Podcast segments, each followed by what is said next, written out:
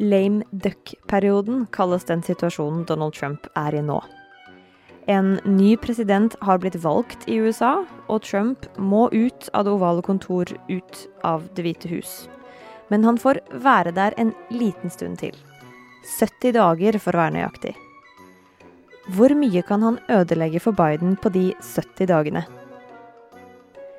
Du hører på Forklart fra Aftenposten. Jeg heter Anne Lindholm, og i dag er det onsdag 11. november. En lame duck i politikken er noen som ikke får til noe. En valgt leder som ikke har noen særlig makt lenger. Anna som henger etter flokken, liksom. Og nå er Donald en lame duck. Det er jo aldri hyggelig for en uh, sittende president å tape uh, valget og ikke få en andre valgperiode, og det er bare fire ganger det har skjedd i moderne tid. Eirik Bergesen er USA-kommentator i TV 2. Ifølge ham så er overgangsperioder mellom to presidenter vanligvis hyggelige og ordentlige. Et element av agree to disagree. De er egentlig ikke så forferdelig uenige som det kan høres ut som. Eh, og det prøver de å bevise da, hver gang med disse fredelige maktovergangene, hvor eh, concession speech, altså tapertalen, eh, alltid er veldig forsonende og skal på en måte prøve å lappe sammen de sårene som har vært etter en lang valgkamp. Og så er det rett og slett da nesten tre måneder med, med litt endelig, litt ro før arvtakeren Eh, begynner sin periode. Som da Bill Clinton skulle overta etter George Bush senior. Bush senior var en av dem som bare fikk sitte i én periode, akkurat som Trump nå. Da president Bill Clinton overtok og satte seg ned eh, på det ovale kontor for å begynne sitt presidentvirke, så fant han et brev fra Bush senior hvor det sto bl.a.: I wish you well. I wish your family well. Your success now is our country's success. I'm rooting hard for you. Og Det er nok vanskelig å se for seg at uh, Donald Trump etterlater et slikt brev uh, til uh, Joe Biden. I stedet for å skrive et sånt brev, virker det mer sannsynlig at republikaneren Donald Trump vil gjøre det han kan for å legge ut snubletråder for demokraten Joe Biden. Formelt så er det tre måter en avtroppende president kan gjøre det på.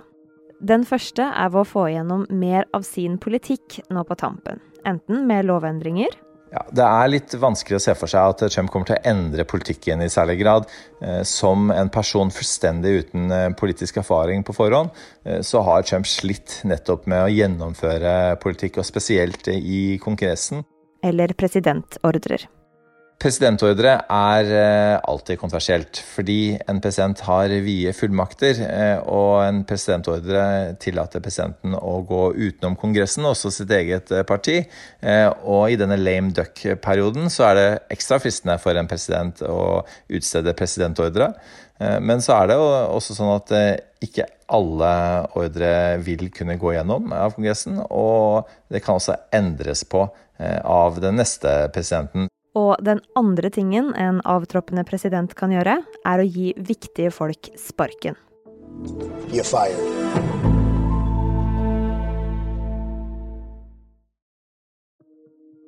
Donald Trump han ble jo kjent for setninga i TV-programmet The Apprentice, der han som kjent businessmann lot folk jobbe for han, og hvis de gjorde en for dårlig jobb, så fikk de sparken. Donald Trump kommer til å fortsette å sparke folk denne gangen. Og nå handler det ikke lenger om eh, om de gjør en god jobb eller ikke. Nå handler det nok litt om, dessverre om litt personlig hevn. Han eh, har eh, innledet denne uken med å sparke forsvarsministeren sin. Og justisministeren ligger også ganske tynt an, hvis ikke han følger opp Trumps mange søksmål mot ulike valginstanser nå fremover. Eh, så, eh, så, det er mange som har all grunn til å være eh, nervøse i Trump-administrasjonen nå om dagen. Trump har jo også sagt at smittevernseksperten hans er en av dem som kan bli kasta ut. Hvem andre er det som kan få sparken nå? Jeg ser for meg at både FBI-sjef Christopher Ray og CIA-sjef Gina Haspel fort kan ryke nå på slutten. Og, og de to på måte, har på en måte en tverrpolitisk kredibilitet. Og, og, på mange måter så, så, er det kanskje litt synd å, om de må gå, fordi at eh, de sitter jo ikke minst på, på veldig sensitiv eh, informasjon, og den videreføring av FBI- og CIA-sjefene er en av de måtene. Eh, en presidentovergang da, kan eh, Eh, kan gjøres litt mer konstruktivt. USA er jo, eh, lever jo alltid et, et land som, som, lever under eh, en viss sikkerhetstrussel.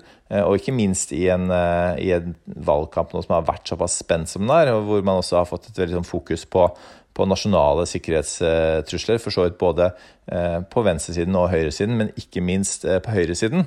FBI har jo også vært ute i høst og sagt at den største nasjonale sikkerhetstrusselen ikke lenger er islamske eh, ekstremister, men, men, rett og slett hvite nasjonalister. Og dette er jo en eh, gruppe som eh, om ikke Trump har oppildnet de, så har de følt seg oppildnet av Donald Trump. Very fine people on both sides. Boys, stand back and stand by. American Proud Boys. I tillegg til at jeg kan skrive ut noen siste presidentordrer og sparke folk som kjenner til statshemmeligheter, så har han en tredje formell mulighet. Han kan benåde folk. Altså at noen som er dømt, slipper straff, eller slipper å sone resten av straffen for det de har gjort. Den muligheten kan Trump bruke, akkurat som mange presidenter før ham har gjort. Ja, det er ganske mange eksempler på, på det. Bill Clinton han eh, benådet over 140 personer på sin aller siste dag i Det hvite hus. Det inkluderte broren eh, Roger, eh, bl.a. for noen trafikkforseelser og kokainbesittelse, og en meget styrtrik venn som het Mark eh, Rich. Barack Obama han reduserte straffen til Chelsea Manning, altså den ekssoldaten som hadde stjålet og gitt enorme mengder gradert informasjon til, til Wikileaks, og det var ganske kontroversielt. Det går rykter om at Trump vil benåde den tidligere valgkampsjefen sin, som sitter i fengsel for bl.a. banksvindel, skatteunndragelse og for å ha påvirka vitner. Og Trump sjøl blir også etterforska. Både han og selskapet hans blir etterforska for ting som skatte- og banksvindel, i tillegg til dokumentforfalskning. Og så har du alle anklagene om overgrep og seksuell trakassering i flere sivile søksmål, altså utenom påtalemyndigheten. Ja, det er en, en, hel rekke rettsprosesser mot eh, Donald Trump, eh, ikke minst fra, fra New York-domstolen, eh, som vil forfølge han også etter at han er president.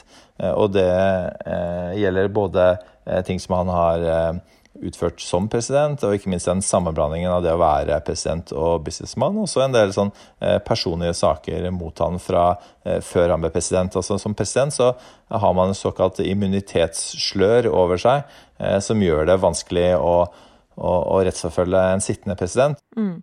Så jeg tolker det som at han kan få problemer når han er ferdig, da. Men kan han benåde seg sjøl for det mens han sitter? Det er et godt spørsmål, og det er veldig mange som vrir hodene sine rundt dette nå.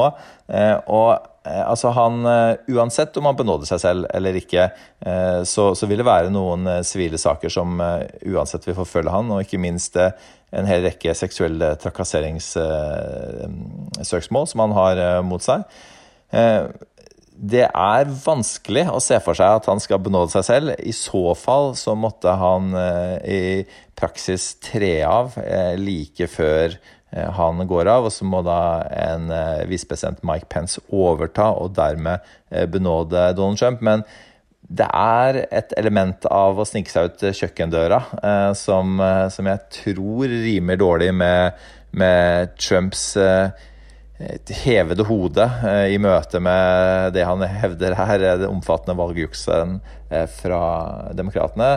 Så jeg, jeg, tror Donald Trump eh, vil ønske å gå ut med hevet hode og heller satse på at republikanerne vinner om nye fire år, og at en slik president vil benåde Trump da. Og så vil nok det som måtte være av rettsforfølgelse av Trump, stå i stampe i retten i fire år uansett. Så det var de tre formelle mulighetene en avtroppende president kan bruke de siste dagene til å få gjennom vilja si. Men vi har også sett at Trump bruker rettssystemet for å påvirke selve valgresultatet. Og det som først og fremst vil være fokuset for Donald Trump her, er jo eh, de mange pågående søksmålene eh, han har inne i eh, valgsystemet for å prøve i hvert fall å late som at han kjemper hardt for å få omgjort et ulovlig valg. Så er det jo sånn med disse rettsprosessene at med mindre det kommer noe klare bevis på at at eh, valgjuks har pågått, så vil også de bli kasta ut eh, i tur og orden. Og de fleste av søksmålene som allerede er fremsatt for å påvirke valgprosessene, de har også blitt kasta ut. Så foreløpig har Donald Trump hatt liten suksess med, med det. Og selv om det kanskje ikke gjør om på resultatet, så kan det ha en indirekte effekt. Det vil nemlig ta lengre tid før Biden får kommet i gang, før hans folk får samarbeida med Trump sine folk og satt seg inn i det arbeidet de skal gjøre de neste fire åra. Så er det en siste måte Trump kan lage trøbbel på. Og den går utenfor både det politiske systemet og rettssystemet, nemlig å oppildne de mest ivrige tilhengerne sine.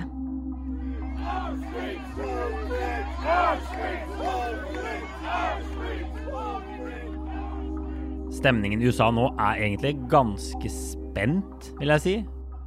Øystein K. Langberg er Aftenpostens USA-korrespondent. Over hele USA så ser vi at, at tilhengere til Trump stiller opp på parkeringsplasser eller utenfor valglokaler eller utenfor disse delstatsforsamlingene og protesterer mot valgresultatet. De sier at det er liksom juks, svindel, og på, på sosiale medier så kryr det jo av videoer eh, som tilsynelatende viser at stemmesedler blir brent, eller at folk som er født i det forrige århundre, stemmer. Og alt dette har blitt tilbakevist. Eh, det er alltid noen få eksempler på enkeltpersoner som forsøker å jukse, men, men Biden leder jo med så mye eh, at, at, det ikke er noen ting som tyder på at man kan finne juks som vil tippe dette valget i den ene eller andre retningen. Eh, og så er jo spørsmålet hvor dypt stikker denne mistilliten til valget?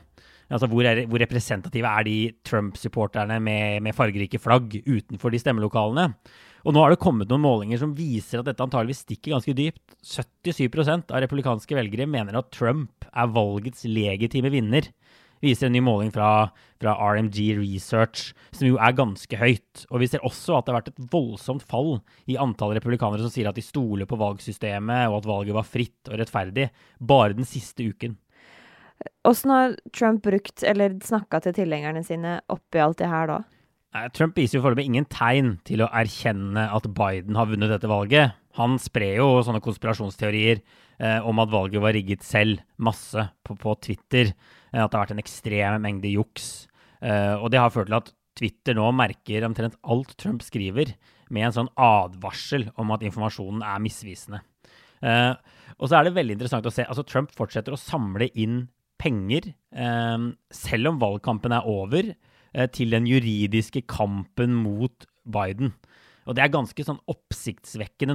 Normalt så slutter man jo med sånne pengeinnsamlinger etter valgdagen. Uh, og jeg er faktisk registrert som, som Trump-supporter, og Biden-supporter, da. Så jeg får alle disse SMS-ene inn på telefonen. Og det kommer sånn fire-fem om dagen. Jeg fikk en nå nettopp Eh, hvor det står sånn 'breaking'. Hvis hver patriot spytter inn ti dollar, vil vi ha det som trengs for å forsvare valget og vinne. Mange av ordene er selvfølgelig skrevet med store bokstaver. Så, så, så de, de, fortsetter å drive en kamp som om det er fullt valgkamp, da. Mm. Og før valget så var det mye bekymring for om, hvis vi fikk det resultatet vi fikk nå, hvor det var jevnt, hvor, men hvor Biden vant, så var det mye bekymring for at de her tilhengerne kunne ta til våpen, lage opptøyer, og det ble til og med nevnt borgerkrig.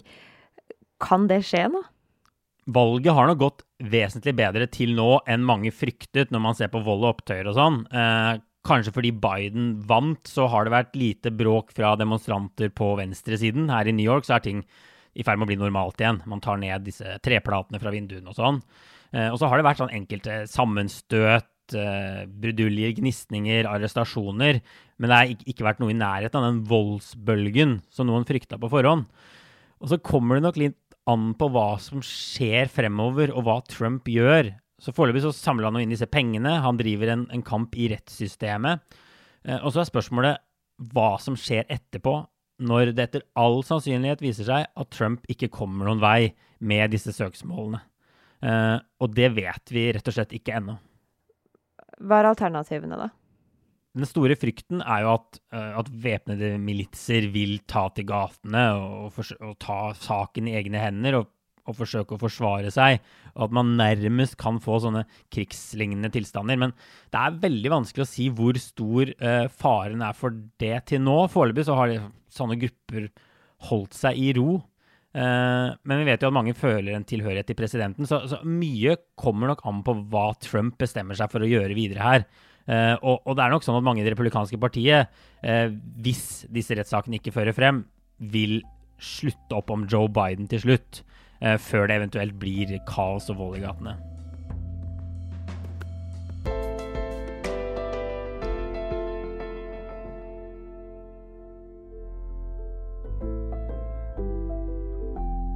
Denne episoden er lagd av Fride Nesten Onsdag, David Vekoni og meg, Anne Lindholm. Resten av Forklart er Caroline Fossland og Marit Eriksdatter Gjelland. Du har hørt lyd fra nyhetsbyrået AP.